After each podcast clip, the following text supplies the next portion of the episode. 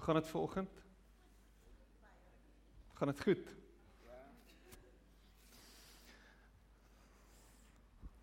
Is julle bewus daarvan dat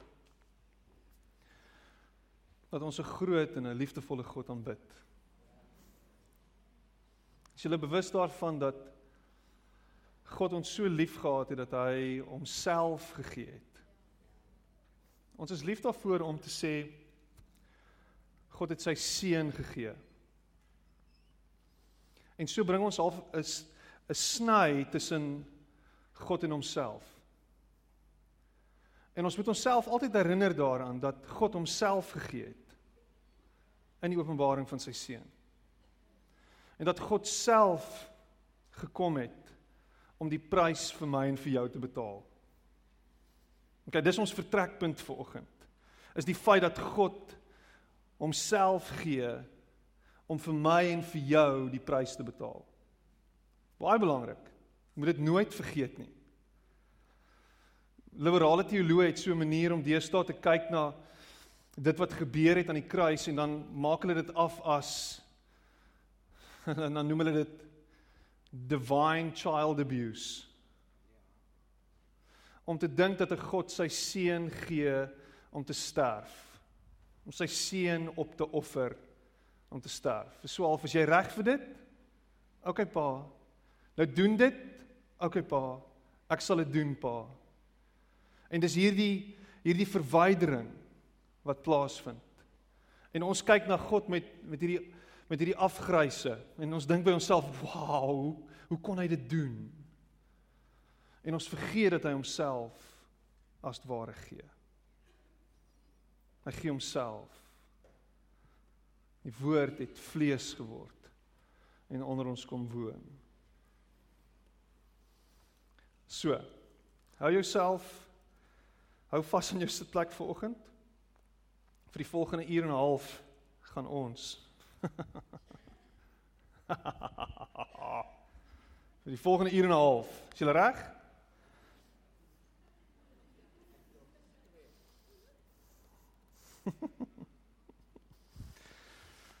OK. So, waar begin ons? Ons begin by Genesis 22 en jy's welkom om jou Bybel daar oop te maak en te gaan kyk dan na Genesis 22 en te gaan kyk wat spesifiek daar staan en miskien hoef ek party van julle net te herinner daaraan dat Genesis 22 gaan oor die groot storie oor Abraham wat sy seun Isak moet gaan offer nie. Ken julle daai storie?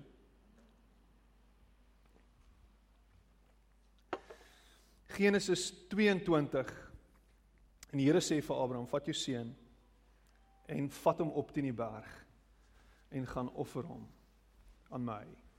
Die een wat jy liefhet, jou enigste seun, gee hom vir my. Die een wat ek vir jou gegee het na 'n lang gesukkel en na bonatuurlike wonderwerke en ingrype van my kant af." Daai een, die een uit wie jy 'n vader van 'n menigte nasies gaan word, daai een. Vat hom en gaan offer hom aan my.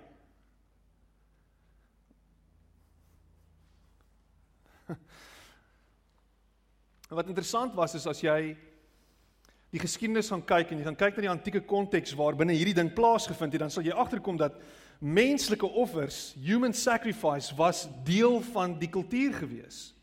Dit was dit is iets wat elke nou en dan gebeur het. Ons offer mense op aan die gode om hulle te bevredig, om hulle bloedlus te bevredig.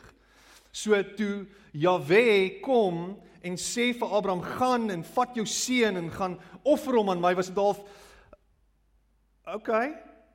Ek sal dit doen. Dit is deel van ons rituele oor die algemeen. Dit is vreemd dat jy wat 'n ander god is as al hierdie ander gode dit van my sou vra. En en ek moet myself probeer indink en ek kan nie.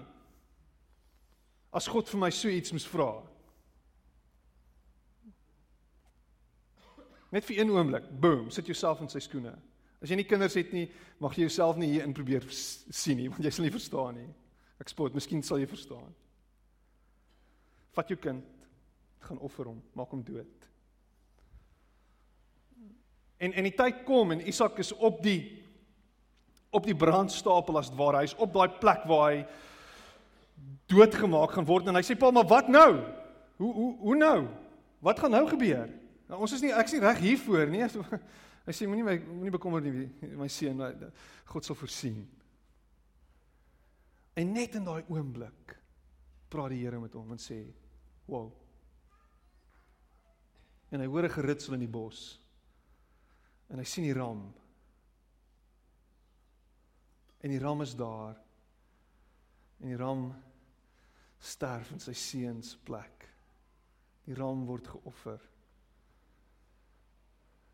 en die offer word gebring aan God. God is 'n heilige God. God is gans anders as ek en jy. God haat sonde. En vir sonde om vergewe te word moet daar bloed vloei. Een van daai misteries, een van daai vreemde goed En reg deur die Ou Testament sien jy hoe daar offers gebring word, hoe daar bloed gevloei het sodat God met nuwe oë na sy volk kan kyk, sodat sy volk skoon gewas word. En nog 'n tradisie was dat daar 'n sondebok sal wees en ek het al gepraat hier oor 'n paar jaar terug oor die sondebok en hoe daar 'n sondebok is wat uiteindelik in die wildernis ingestuur word met die volk se sonde sodat die sonde weggevat kan word en weggevoer kan word. En hierdie bok iewers alleen in die veld kan sterf en vernietig kan word en die sonde daarmee saam.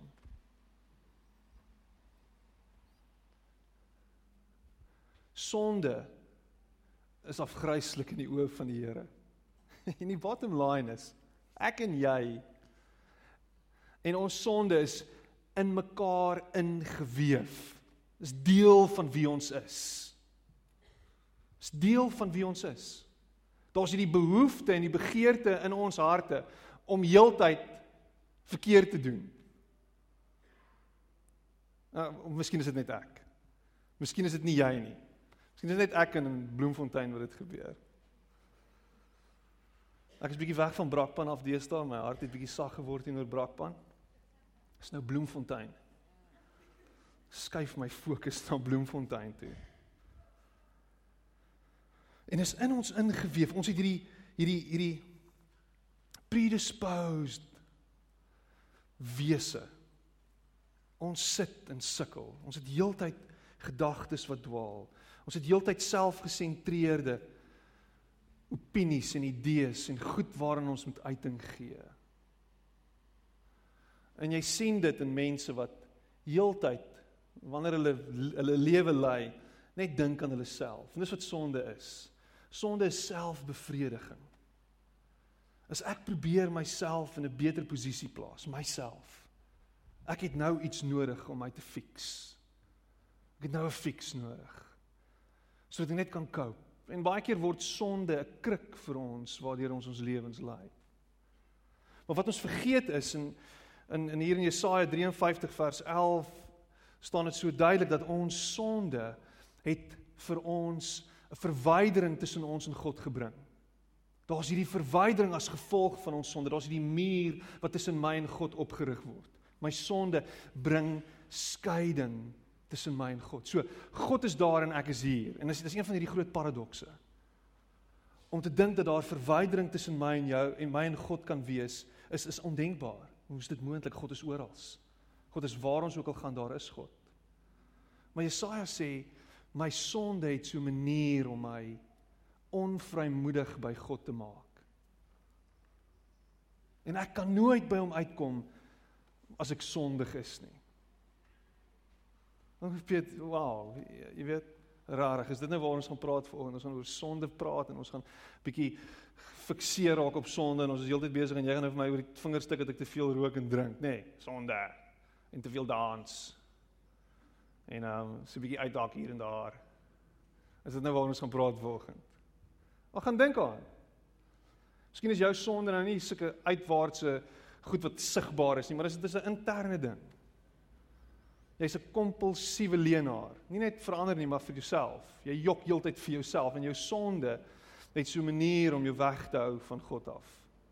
Want jy kan nie eerlik wees voor hom nie. Jy sukkel met dit. En dit is interessant as ons Jesaja 53 kyk en ons en ons lees dit dat ons sonde bring verwydering. En eintlik is dit nie 53 nie jammer. Dis 59 skei ons van God. Dan sien ons in Romeine 8 weer waar Paulus praat en hy sê maar niks kan ons skei van die liefde van God nie. So ons het so Ou Testamentiese uitkyk op op hoe sonde ons verwyder van God en dan Romeine 8 wat hy kom en hy sê maar daar's niks wat ons kan skei nie. Niks niks niks niks niks Geen hoogte of laagte, geen diepte of hoogte, niks, geen engele of geen demone of niks kan ons skei van die liefde van God vir my en vir jou nie. Nou hoe werk dit? Wat what's up met dit? Waar kom dit vandaan? En hier is dit juis. Dis juis in dit wat Jesus Christus vir my en jou gedoen het dat Romeine 8 kan staan en vir ons vandag hoop kan gee. Is dat niks ons kan skei van sy liefde nie dat daar juis 'n koneksie met my en met God is. Dat ek nie ver van hom af is nie. Dat ek nie meer verwyderd is van hom nie, maar dat ek by hom is en hy by my. Dink bietjie hieraan. Jou sonde is nie meer 'n verwydering en grond vir verwydering tussen jou en God nie. En dit alles as gevolg van dit wat Jesus Christus vir my en vir jou gedoen het. Vir ewig. Vir ewig. En vir altyd. Nou dit maak my opgewonde. So jy wat heeldag rondstap met skuldgevoel Jy wat heeldag rondstap met skouers wat gebuig is as gevolg van jou sondige natuur en al die gemors in jou lewe en jy voel jy's nooit goed genoeg nie en jy kan nie by God uitkom nie en ek gaan nooit gaan ek daar uitkom waar ek moet wees nie en jy hoor heeltyd mense laai goed op jou jy's nie goed genoeg nie. Kyk wat doen jy? Kyk waarmee is jy besig? Al daai goeders word net by en by en bygevoeg en jy dra swaar aan hierdie las mis die punt vir oggend want die punt is in Jesus Christus kan ek al daai goeders by die kruis aflaai en hy vat dit op hom en hy neem dit op hom sodat ek en jy vry kan leef en vry kan wees. Want hy het gekom en sonde op hom gevat en dit vernietig. Verbrysel die kop van die slang. Vermorsel. Gaan lees dit Genesis 3 en God kom en hy sê Ek kan nie toelaat dat my mense, my geskaapenis, my beeld, my vlees en bloed rondstap gebukkend onder oordeel die heeltyd nie. Ek gaan hulle vrymaak van dit. Nou hier's dit. En die vraag word altyd gevra, nou hoekom moes Jesus sterf? Hoekom moes hy sterf? Hoekom kon Jesus ons nie net vergewe het nie? Hoekom kon hy ons nie net vrygespreek het nie? Hoekom moes hy sterf en op so 'n verskillike manier? Op so 'n wrede manier. What's up met dit? Hoekom kon hy ons nie net vergewe nie? Hoekom is hierdie barbaarse God? Hoekom soek hy menslike offers en hoekom soek hy bloed? What's up met dit? Het jy al gedink daaroor? Hoekom het Jesus ons nie net vrygespreek nie?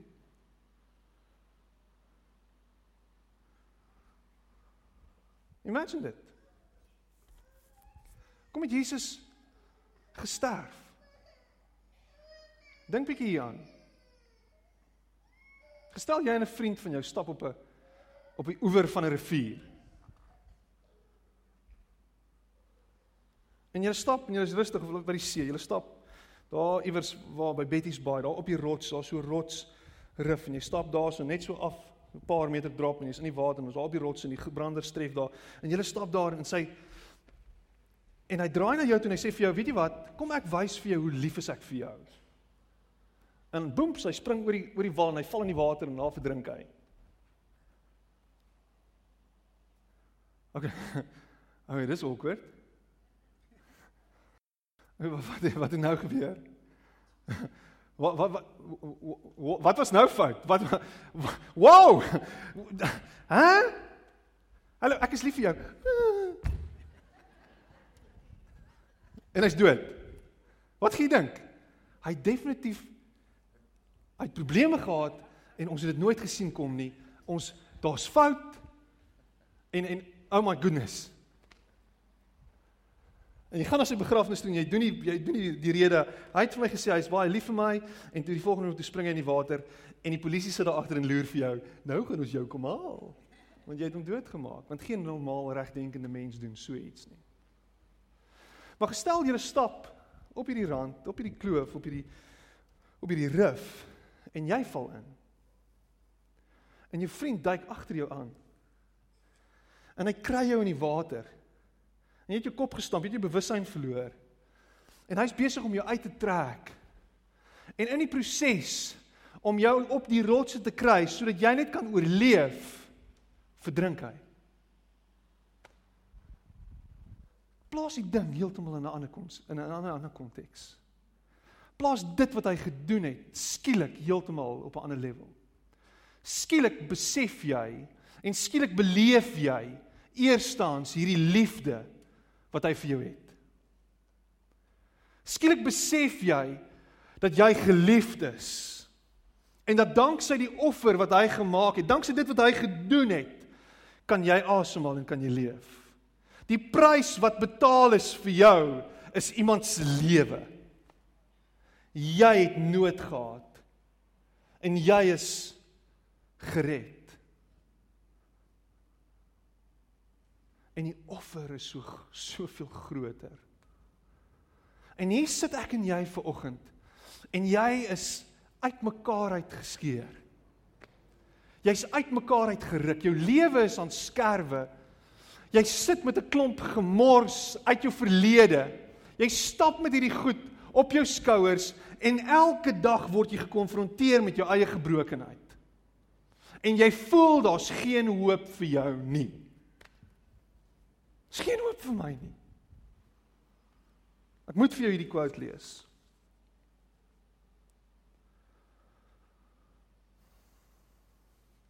I could accept Jesus as a martyr an embodiment of sacrifice and a divine teacher. His death on the cross was a great example to the world. But that there was anything like a mysterious or a miraculous virtue in it, my heart could not accept. My heart could dat daar enige iets misterieus en groot en wonderbaar hieraan is, kan my hart net nie aanvaar nie.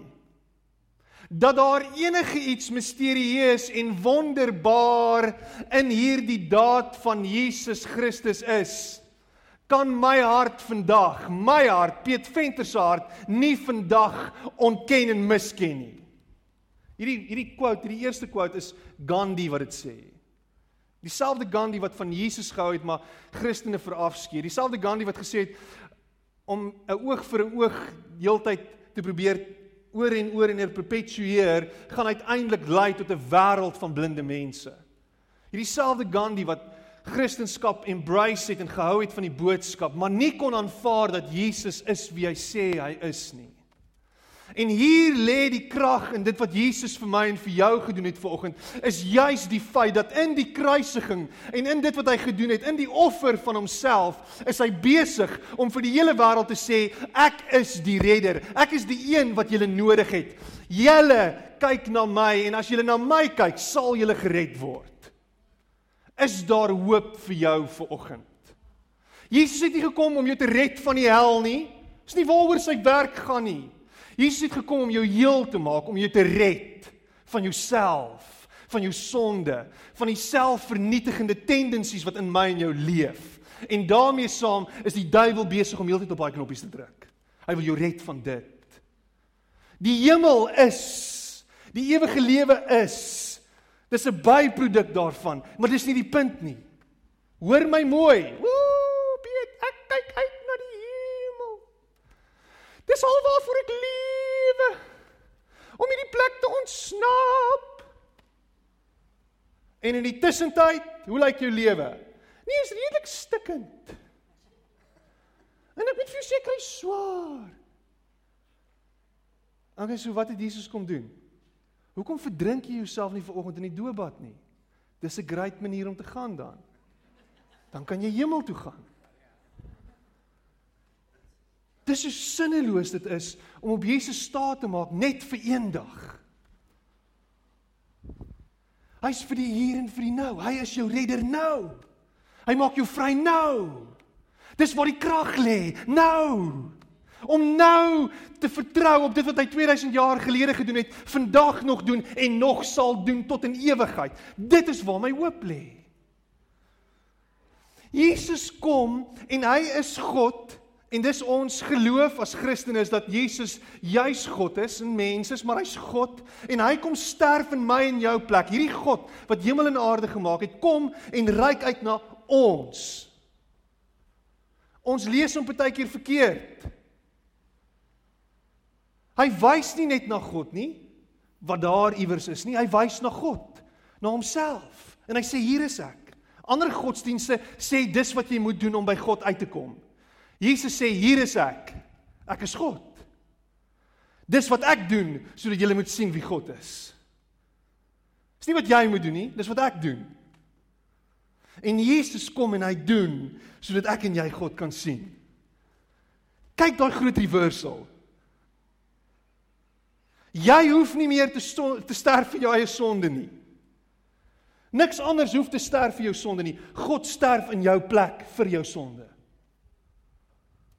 Dit moet jou brein rek. Dis waar ons hoop is.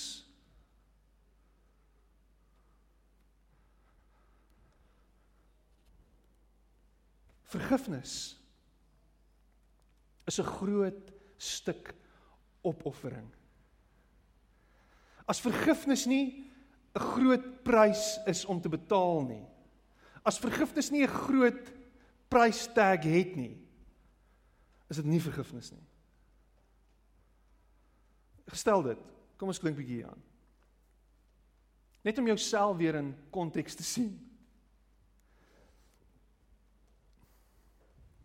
So rukkie terug toe Lise 2 was, so 4 jaar terug.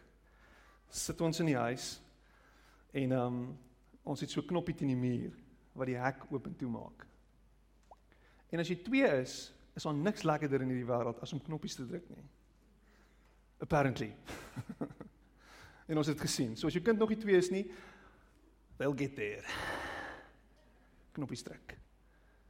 En ehm um, ons ons het 'n huurder wat 'n woonstelletjie aan ons huis ehm um, bly Um, ons huis is so huge dat ons woonstelle aan ons huis het. Dis amazing. Ons het 'n massive huis. Ons huis is so twee keer groter as hierdie kerk en hy het 'n woonstel met drie glad nie. Hy het 'n klein woonstelletjie. En hy ry in en hy ry in met sy remote en Lise druk die knoppie. Pop. Do. Do. En hy ry vorentoe in, in sy hele bakkie, sy splinter nuwe bakkie daai tyd het so massive duik in. En nou is dit 'n geval van so wat nou? En ek is, dis nie ek nie, dis my kind wat dit gedoen het. Wat sy betaal. en hy sê, "Maar wat nou?" Sê maar dis Lise se skuld. Hy sê, "Maar hoekom laat jy vir Lise toe om die knoppie te druk?" Ek sê, "Sy's 2, probeer jy haar beheer." maar ek meen in my hart weet ek ek moet betaal hiervoor. Want dis wat gebeur as daar iets gedoen word en daar moet betaal word. As daar verkeerd opgetree is en veral in sulke tipe situasies is daar iemand wat die prys gaan moet betaal. En in hierdie geval vir een of ander obskure rede het sy versekerings geen bybetaling gevra nie en die versekerings het die koste gedra. Prys die Here. Met blye galme. Dis hoe ek gevoel het die prys is betaal. 'n Ruk terug hier op op ons parkeerterrein en jy sal sien daar's daar's ook 'n paal, daar's 'n paal missing op die parkeerterrein, maar dit is 'n storie vir 'n ander keer. Word 'n paal omgery deur 'n spesifieke werknemer van 'n spesifieke organisasie. En die paal word omgery en die kar word beskadig en die paal word beskadig, hierdie 20 jaar oue paal word beskadig en hierdie 20 jaar oue paal lamp word beskadig en die kar word beskadig in so 'n mate dat sy dieseltank heeltemal oopgeskeur is en dis diesel die hele parkeerterrein vol en dis 'n verskriklike storie. En ek bel 'n elektriesien en ek sê asseblief, jy moet kom kyk, ons het 'n paal wat omgery is, jy moet hierdie paal kom regstel, om regmaak asseblief en hy kom kyk en hy sê wel dit is nogal redelike groot werk. Ons gaan moet gate kap en ons gaan moet breek en ons gaan moet uithaal en ons gaan moet sement gooi en ons moet paal insit en ons in die paal moet verf en ons in die paal se bal moet terugsit en hierdie balle is nie meer beskikbaar nie en is Dit gaan so R3000 kos. Versekering betaal nie? Maar natuurlik nie. Ek is nie heeltemal seker hoekom nie. So iemand moet daarvoor betaal. Kry die faktuur, stuur die faktuur na die organisasie toe. Organisasie kry die kry die faktuur en sê vir die hulle julle die organisasie kry die faktuur. Die faktuur word net so vir die werknemer gegee en gesê jy moet betaal hiervoor. Die bakkie is reggemaak. Hulle het die bybetaal, die organisasie die bybetaling betaal. Nou ek is nie besig hier om Judge Judy te speel nie en jy wil nie vir my kom uitlê nie. Maar die bottom line is uiteindelik moet hierdie arme ouetjie moet hierdie R3000 betaal. En hulle hou hom, hulle hou hom daarvoor aanspreeklik. En eintlik word ek nou die skuldinvorderaar. Ek, Pastor Piet Venter.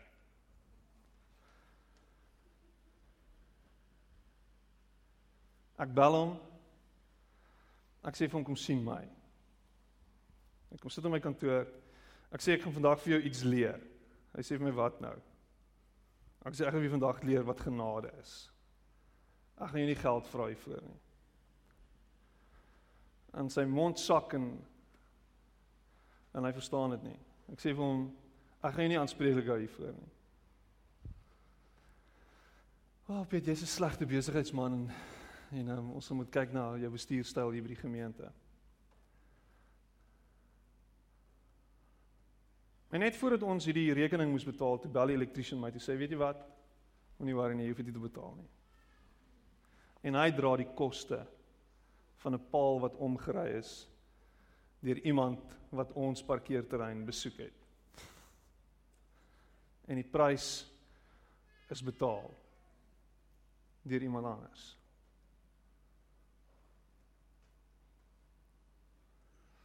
Maar wat baie keer gebeur is, nie alle goed wat gebeur kan in so 'n mate hanteer word nie. Daar's nie altyd net 'n betaling wat gedoen word en dan's alles fyn en dan is alles vergeet en iemand het die koste gedra nie. Want vergifnis het 'n manier partykeer om 'n klomp opoffering te vra. En 'n klomp absorbering van seer en van pyn te vereis van die een wat vergewe. Dink hoor? Die een wat te nagekom is, spreek die een wat hom te nagekom het vry. Maar die een wat te nagekom is, loop nog steeds met hierdie pyn rond van dit wat aan hom gedoen is. En wat gebeur is, daar word van hom verwag om hierdie pyn te absorbeer. Om hierdie seer met hom saam te dra. Om heeldag lank herinner te word aan dit wat gebeur het in die verlede en waarin hy blootgestel is. Maar hy het vergewe. Hy het gekies om hierdie pyn te vat en dit te absorbeer. Is dit regverdig? Definitief nie. Daai een het hom seer gemaak. Daai een moet betaal. Hoekom betaal jy die prys in sy plek? Dit maak nie sin nie. En dis wat Petrus doen wanneer hy na Jesus toe kom en sê, "So hoeveel keer moet ek vergewe sodat hierdie ding net kan aangaan en ons net kan oor dit kom?" En Jesus sê vir hom 70 maal 7 keer. Dis hoeveel keer jy moet vergewe. OK. 490 keer. Ek het dit gaan uitwerk met 'n kalkulator. En al wat Jesus vir hom sê is, "Dit gaan jy doen 490 keer." Ek seker Petrus kon nie die sommetjie maak nie. Hy was 'n bietjie van 'n aapie. Het vis gevang. Haai sies tog, daar's niks teen vissermanne nie. 1 2 3 Hier 17 visse. Nee Petrus, hier's 3.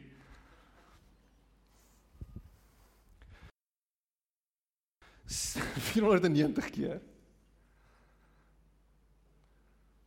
En dis wat wat vergifnis van jou vra.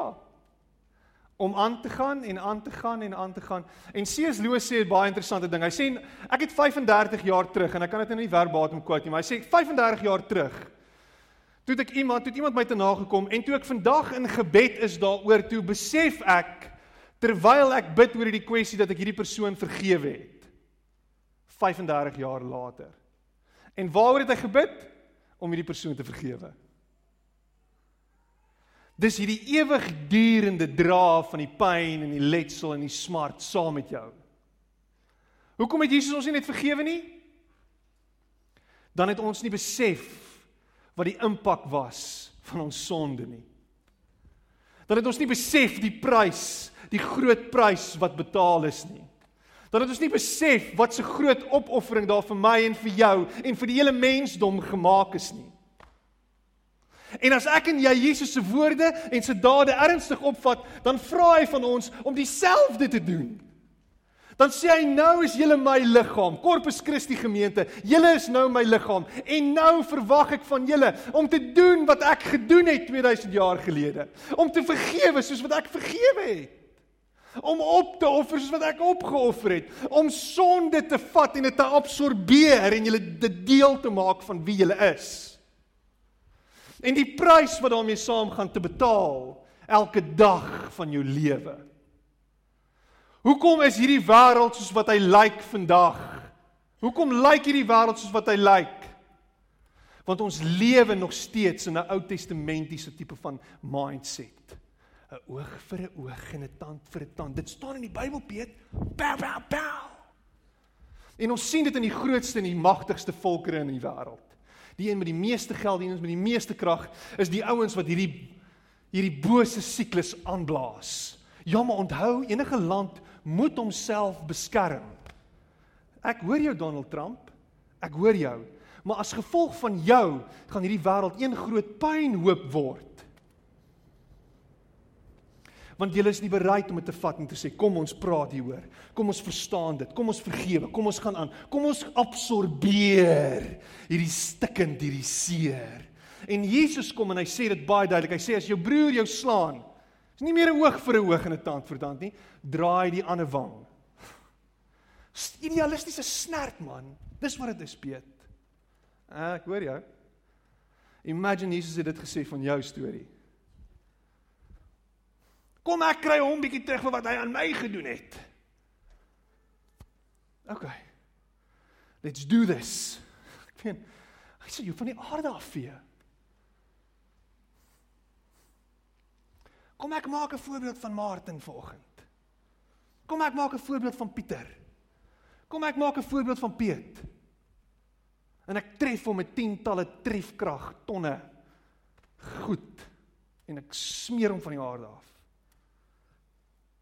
Maar hy kies hy kies hy kies die alternatief. Hy kies om dit te vat en hom op hom te laai.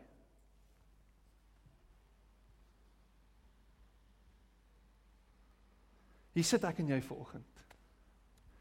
Jy sit hier. En Jesus het gesterf aan 'n kruis 2000 jaar gelede.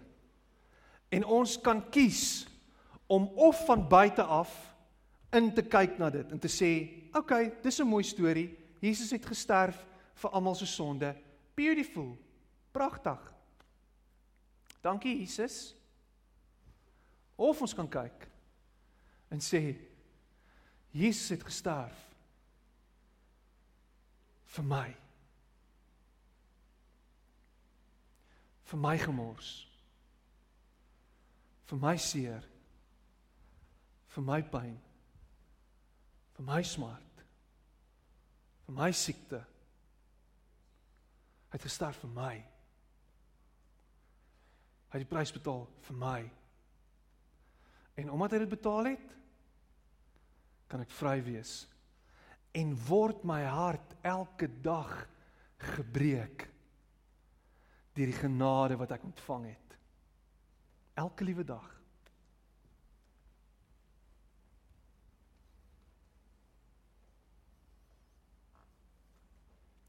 jy betaal nie meer vir die vir die sonde wat jy aangevang het nie. Daar's altyd gevolge, ja. As jy droog maak, gaan jy sien. Jy gaan sien. Maar die uiteindelike prys vir dit, die dood is jou gespaar. En die lewe is vir jou gegee omdat hy al daai goed op hom gevat het. Is dit nie 'n beautiful storie nie? Ek sluit af met die volgende storie. Ek gaan dit lees hierso. Therefore, the kingdom of heaven can be compared to a king who decided to bring his accounts up to date with servants who had borrowed money from him. In the process, one of his debtors brought in, was brought in who owed him millions of dollars. He couldn't pay, so his master ordered that he be sold, along with his wife, his children, and everything he owned, to pay the debt. En dit sou genoeg. But the man fell down before his master and begged him, "Please be patient with me and I will pay it all." Asseblief, wees my genadig.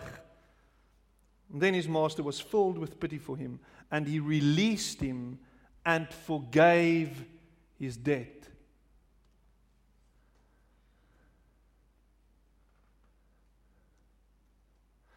Hier's die hier's die antwoord, hier's die uitkoms vir my en vir jou vanoggend. Is dit wat het dit met my te doen? Jy dra 'n klomp gemors saam met jou, jy's jy's konstant besig om te sondig. Jy is die versinnebeelding van sonde. En al wat jy moet doen is jy moet na die Vader toe kom en sê vergewe my. Dis die groot voorwaarde vir jou vergifnis. Is om in Jesus Christus in te stap en te sê ek soek vergifnis. En dit kom. En hy gee dit vir jou en hy spreek jou vry. En jy word losgekoop. Dis genade.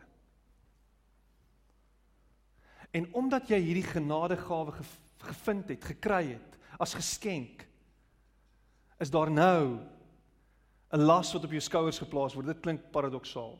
'n Las. Ja, daar's 'n las. Daar word van jou verwag om dieselfde te doen. Om te vergewe. En miskien sit jy hier vanoggend met 'n klomp gemors wat 'n klomp mense aan jou gedoen het en jy moet vryspreek vanoggend.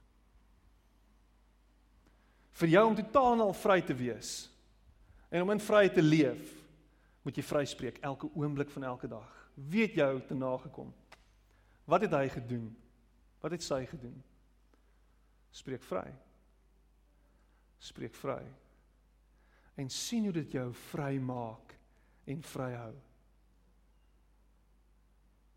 Vrymaak en vryhou. Vrymaak en vryhou.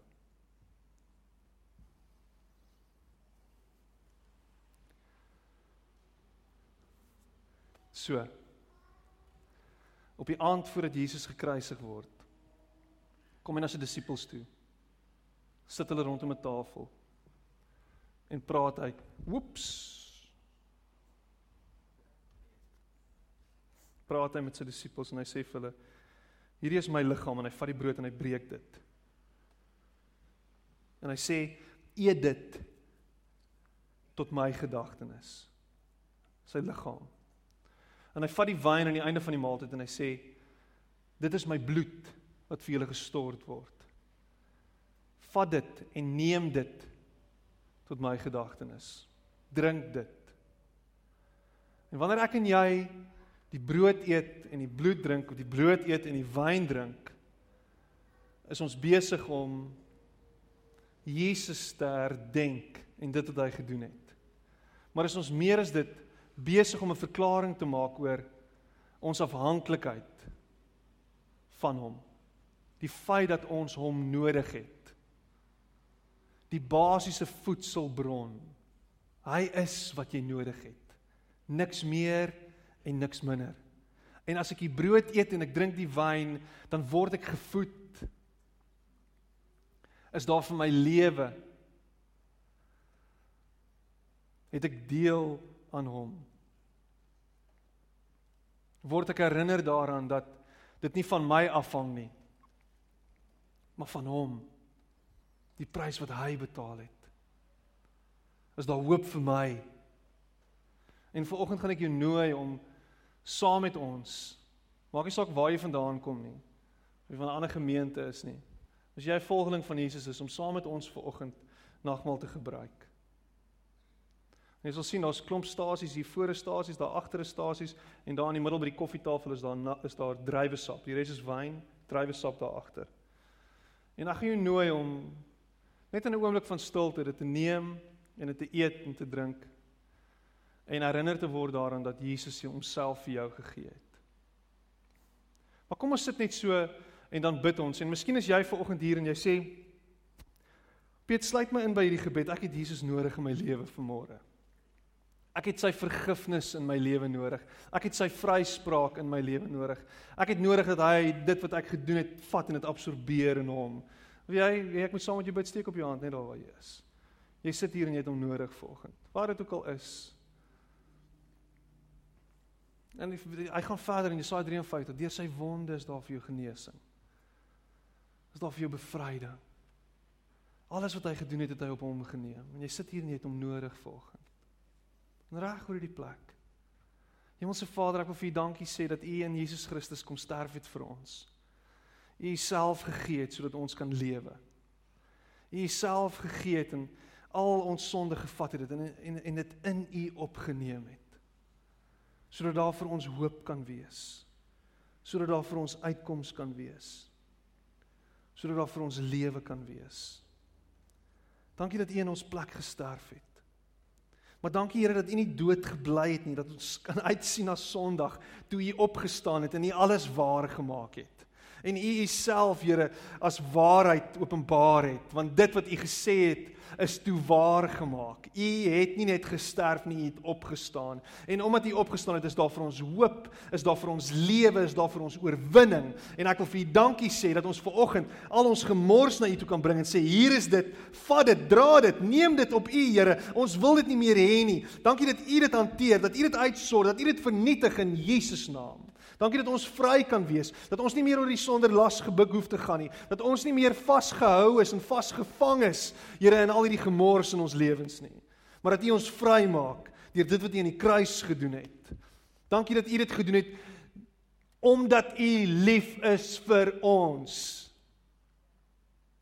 U het ons eerste lief gehad. Dankie dat ons geliefd is. Ek prys U daarvoor.